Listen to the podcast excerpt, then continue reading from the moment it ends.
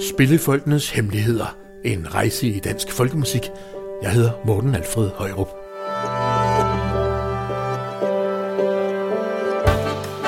Hvordan kan man bruge de elgamle danske sange og ballader i dag, og hvordan finder man overhovedet frem til dem? Hvad spillede vikingerne for noget musik for 900 år siden, og hvad spiller de nu? Hvor våget var de frække gamle sange egentlig, og kan de stadig først til at rydme? Hvordan starter man sin helt egen folkemusikfestival? Spillefolkenes Hemmeligheder er en podcast-serie, hvor jeg taler med nogle af de mest markante personligheder på den danske folkemusikscene. Jeg spørger ind til kernen i deres virke, og sammen blotlægger vi nogle af deres fags dybeste hemmeligheder. I den her podcast taler jeg med violinist Christian Bukke, som rejser over hele verden med traditionel dansk folkemusik, musik som ofte er komponeret for flere hundrede år siden. Her er det for eksempel folkbeatbandet Harvey Harvard Cook, hvor Christian spiller violin, som giver deres version af en gammel spillemandsmelodi med titlen Gammel Trætur.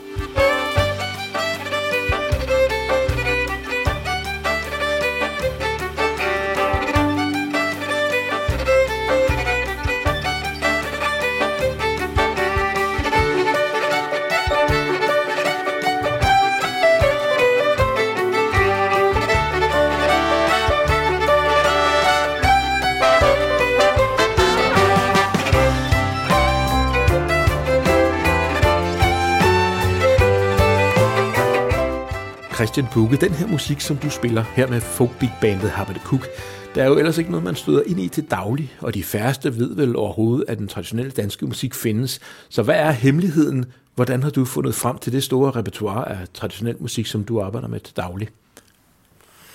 Jamen, det er jo rigtig mange forskellige steder. Et øh, kludetæppe af melodier og, og historier i virkeligheden, der følger med, som jeg har samlet sammen rundt omkring, hvor jeg ja, har har været de sidste ja, 10-15 år ude i miljøet. Altså jeg, en af de ting, som tænder mig rigtig meget, det er at lære det direkte fra nogle øh, levende spillefolk, der hvor man kan få lejlighed til det stadigvæk.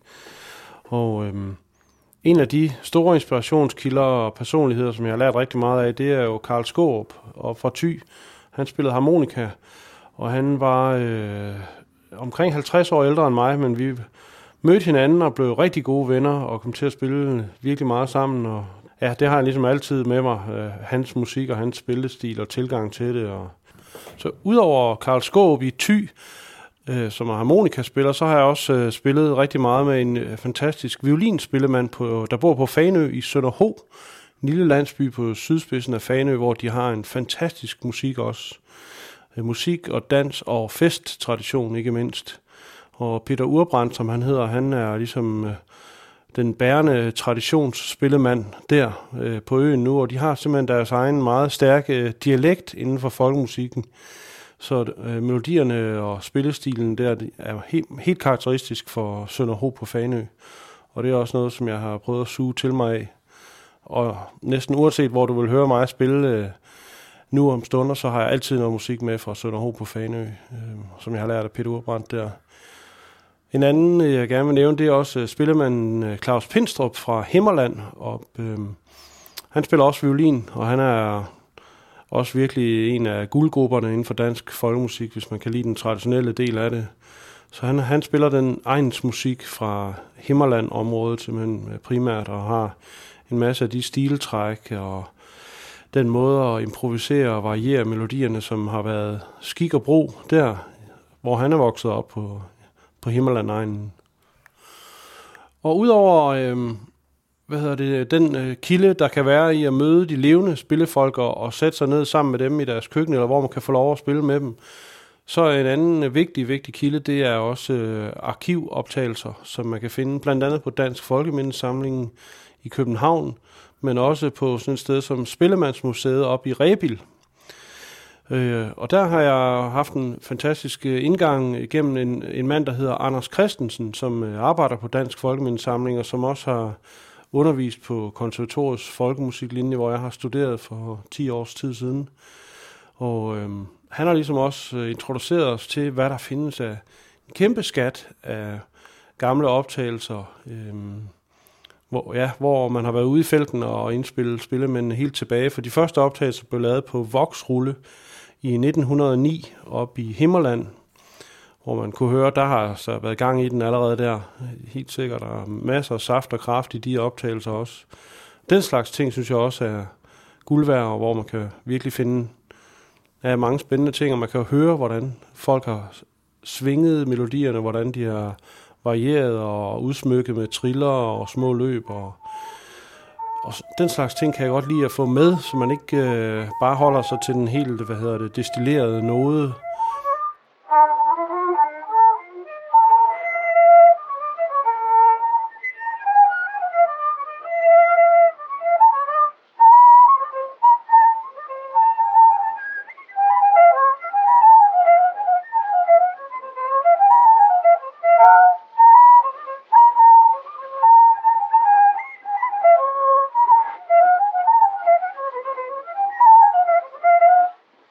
Noder, det er selvfølgelig også en vigtig del, og det kan man sige, det er den, ligesom den tredje kilde. Altså de levende spillemænd, arkivoptagelserne og så øh, gamle noder også. Og der har Danmark faktisk en ret øh, unik øh, og kæmpestor samling af spillemandsbøger. Så spillemændene gennem tiderne, de har heldigvis skrevet deres, mange af deres favoritmelodier ned. Og mange af de nodebøger, de har overlevet op til i dag. Og der kan man igen gå ind på Folkemindesamlingen, det kongelige bibliotek, og der har de rigtig mange af de her noder, og mange af dem er faktisk også scannet ind, og de har været tilgængelige online, så man kunne sidde hjemme i sin stue og søge rundt i den her skattekiste. Af en eller anden grund så er det i øjeblikket ikke online, hvilket jeg synes er meget øh, problematisk, fordi der er faktisk en kæmpe kilde der, som ja, var gjort tilgængelig, og som nu, øh, ja, jeg håber, det kun er midlertidigt, men i hvert fald ikke i øjeblikket er tilgængelig. Men øh, der findes over 10.000 øh, melodier nedskrevet fra forskellige spillemænd rundt om i Danmark. Og det er også noget, man kan bruge rigtig meget tid på at grave rundt i, skal jeg hilse sige. Fakta om Christian Bukke. Violinist Christian Bukke har modtaget flere Danish Music Awards, blandt andet Traditionsprisen og som årets danske instrumentalist. Og han spiller i en lang række meget forskellige danske og internationale bands, som han har udgivet adskillige albums med. Og som alle et eller andet sted tager udgangspunkt i traditionel musik – Altså en musik, som er overleveret fra spillemand til spillemand i mange generationer, og som er så gammel, at man kun sjældent ved, hvem der har komponeret den. Christian Bukke lever i perioder i en kuffert og rejser med sin musik året rundt i USA, Kanada, Sydamerika, Japan, Europa, Norden, Storbritannien osv. Christian Bukke, prøv at fortælle mig historien om den gang, du mødte den gamle harmonikaspillemand Karl Skorp. Ja, Jamen, det var jo en vildt vigtig ting kom det til at blive, ja. Jeg var øh, ret ny på folkemusikuddannelsen, som på det tidspunkt lå i Odense på konservatoriet der. Og der skulle vi som en af tingene, at vi skulle på sådan en uh, traditionstur, kaldte det det for, hvor vi tog rundt i en minibus med hele holdet af folkemusikstuderende. Så besøgte vi for eksempel Fanø, Sønderho, uh, musikken derovre. Og så er vi også forbi øh, uh, Rebil. Og så er vi også i Thy, op og besøge Karl Skorp, og der, der var vi ude og spille til dans en aften sammen med ham, hvor vi fik lov at prøve at hænge på, der med, sådan som han spillede til dans. Og det var også en kæmpe oplevelse for mig, og der tænkte jeg, det her, det er noget af det, som jeg ligesom har drømt om at få mulighed for at fordybe mig i, øh, igennem min uddannelse her. Og, så da jeg kom hjem fra den tur, så ringede jeg til Karl Skorp og spurgte, om, øh, om ikke han ville undervise mig. Men øh, så sagde han, ja, underviser sådan set af. Så men så var han heldigvis med på at snakke lidt videre alligevel, og så endte det også med, at jeg fik lov til at komme og besøge ham, men han mente ikke, at han havde den teoretiske baggrund rigtigt til at kunne undervise nogen, der gik på konservatoriet. Og, men hvis jeg kunne bruge det til noget, så måtte jeg da gerne komme, og han ville da gerne spille med mig. Så det var rigtig skønt. Og så fik øh, jeg lov til det, og så øh, det eneste, jeg kunne få lov at betale for, det var faktisk maden. Fordi vi skulle jo have noget god mad, og det fik vi dele med os. Karls kone Lili, hun var fantastisk kok også, og der fik vi virkelig noget god mad i, i pauserne. Og så indledtes, ja, hvor det blev hurtigt til også et venskab, og jeg fik jo mange historier med om, hvordan han er vokset op med den her musik, og har spillet med de lokale storspillermænd i Thy, som for eksempel Viggo Post var en mand, som Karl har lært mange af de gamle turdanse efter. Og de her turdanse-melodier, det er også noget, der er en vigtig ingrediens, kan man sige, i ty-musikken, hvor de har nogle helt bestemte melodier, som passer til nogle bestemte danse. Og det er smart, fordi når spillemanden så spiller de melodier, så øh, ved danserne, hvad de skal. Når de hører de enkelte A- og B-stykker i melodien og sådan noget, så ved de, hvad der foregår. Det er ligesom blevet kodet ind, så derfor behøver man ikke nogen, der står og råber hen over dansemusikken. Det er en ret smart ting.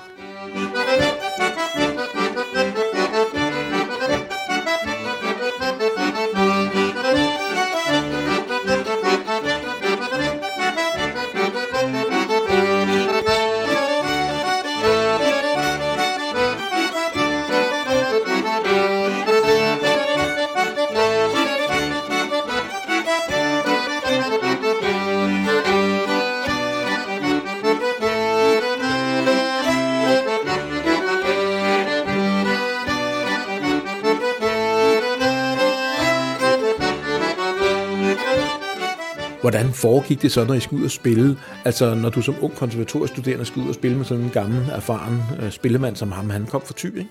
Hvordan foregik det helt praktisk? Jamen altså, det foregik jo med udgangspunkt i øh, hans øh, hus. Altså, vi mødtes altid i Hørdum. Han samlede mig op ved toget der, og så øh, var vi hjemme forbi og varme lidt op og spille nogle ting igennem og få noget god mad. Og så kørte vi i hans bil. Altså, han lagde bil til, men jeg var chauffør. Og sådan var det bare helt fast. Til var han øh, fantastisk til at sidde ved siden af. Der var ikke noget med, at han øh, bare øh, koblede ud og lagde sig til at sove eller noget. Han sad og var virkelig co-driver der og snakkede og fortalte historier og øh, rigtig hyggeligt. Øh, så kørte vi, om det så var til Aarhus eller Odense eller Køge, eller hvor vi skulle hen og spille øh, de her danseaftener. Han ville helst hjem samme aften også, så det var ligesom også en del af aftalen, at øh, uanset hvor langt vi var kommet væk, så kørte vi altså hjem igen samme nat. Og så øh, hans kone, hun var ofte oppe stadigvæk, når vi kom der. Det kunne godt være hen 3-4 om morgenen, eller endnu senere nogle gange. Og så var der ofte en skål suppe, eller et par røde pølser, og en bajer eller to, mens vi lige sad og faldt til ro og snakkede om aftenen og hyggede. Det var bare en del af det, og det kunne jeg virkelig godt lide. Det prøver jeg stadigvæk at gøre nogle gange, når jeg kommer hjem fra et spillejob, og lige sidde. Det er svært at bare øh, smide sig på hovedet i seng, selvom klokken måske er blevet mange. Det mærker man. Sådan havde det han det også, selvom han har spillet hele sit liv. Så det er noget, du tager med nærmest? Ja, det, må, det synes jeg. Det kan jeg godt lide. Stadigvæk. Hvor havde Karl selv lært at spille hen, ved du det? Jamen, øh, hans ældre brødre, de havde fået en harmonika. Forældrene, de havde købt en harmonika til dem. Men der var ikke nogen, der rigtig blev bidt af den, andre end øh, Karl, som var helt lille dreng. Det var en enredet harmonika dengang med kun 10 knapper, som spiller i en toneart kun. Men så, når, når hans ældre brødre var i skole og sådan noget, så fik Karl lov at spille på den her ret hurtige opdagede familien, at han havde altså en eller anden form for talent for det.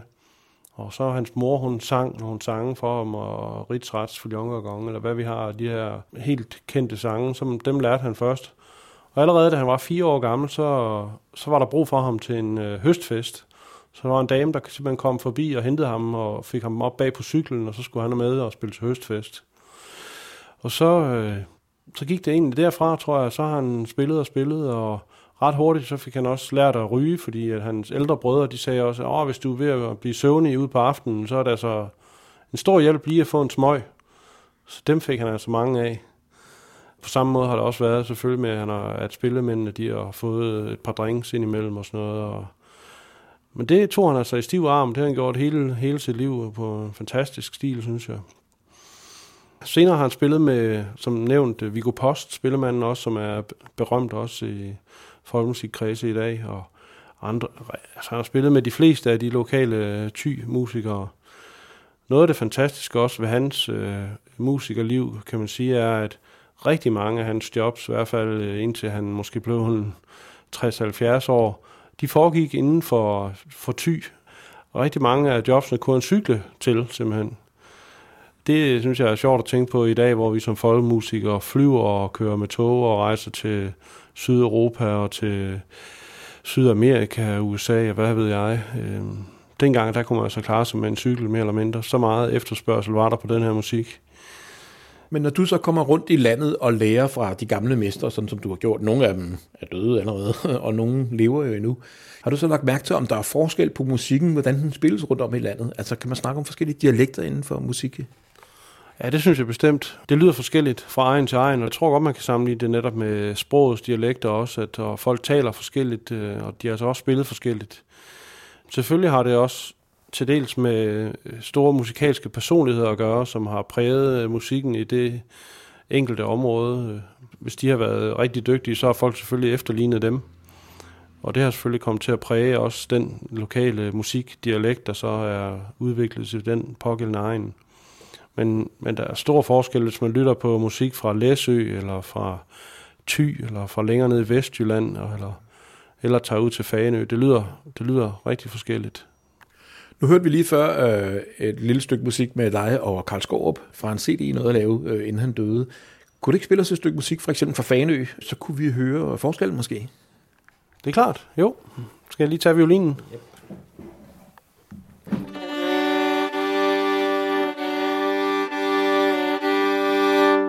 Hvad skal vi høre, Christian Bukke? Jamen, øh, skal vi tage den, der hedder Jeg var en ung sømand? Så, den lyder sådan her.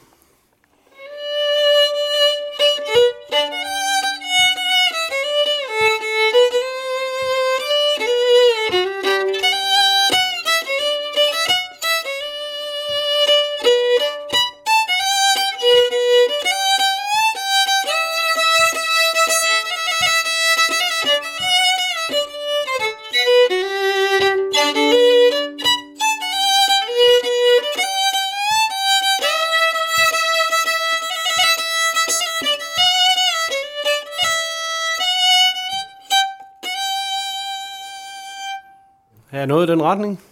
Tak skal du have for musikken, Christian Bukke.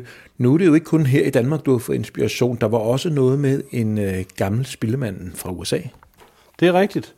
Det var også noget, hvor jeg føler mig vildt heldig over at have været der på det rigtige tidspunkt, på det rigtige sted. Øhm, I 2008 blev min gode makker Mette Katrine Jensen, som spiller harmonika, og jeg, vi har en duo sammen, som hedder simpelthen bare Jensen og Bukke. Og vi blev inviteret til USA for første gang på en, øh, for at vi skulle over spille på en øh, festival for skandinavisk musik i Minnesota. Noget, der hedder Nisva Stemman. Og derover der mødte vi Dwight Lamb, som er øh, barnebarn af en dansk udvandrer. Og Dwights morfar, han har... Øh, ja, han kom til Midtvesten i 1893, og udover at han havde familien med, så havde han også både violin og harmonika med. For han nemlig lærte at spille af sin far hjemme i Vendsyssel, hvor han kom fra. Så, og heldigvis blev Dwights morfar ved med at spille øh, den her danske musik hele sit liv. Og da han gik på pension og solgte sin gård, han har været bondemand eller landmand i øhm, Iowa hele sit liv, så flyttede han ind med, hos sin datter. Og det var Dwights mor. Der var Dwight 12 år gammel på det tidspunkt, så fik han mulighed for at spille med sin morfar og høre om Danmark og så videre og så videre. Og så har Dwight simpelthen på den måde lært sig hele morfarens repertoire af gamle danske melodier. Og det er ret fantastisk, fordi i de mange år, der gik siden 1893 og op til i dag, der har mange af de der melodier, de er forsvundet i Danmark øh, og blevet glemt. Men de er simpelthen blevet passet godt på i Midtvesten.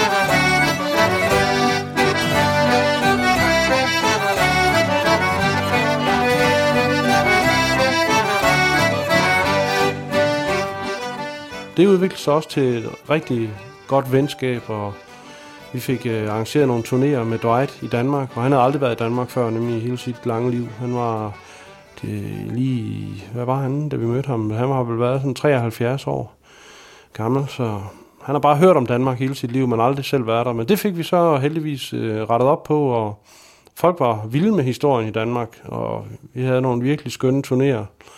Fire er det blevet til indtil videre, og i den samme periode der på nu godt 10 år, der har vi i hvert fald været i USA to gange om året. Så i hvert fald omkring 20 turnerer sammen med Dwight derovre. Og en fire stykker her i Danmark, og vi har fået indspillet noget af det på CD. Vi har lært et stort repertoire af ham. Det sidste, vi har fået gjort, det var, som jeg synes var rigtig vigtigt, det var, at vi fik nedskrevet de her melodier, så og de er findes samlet nu i en øh, notebog, som vi har fået udgivet med Dwights danske melodier.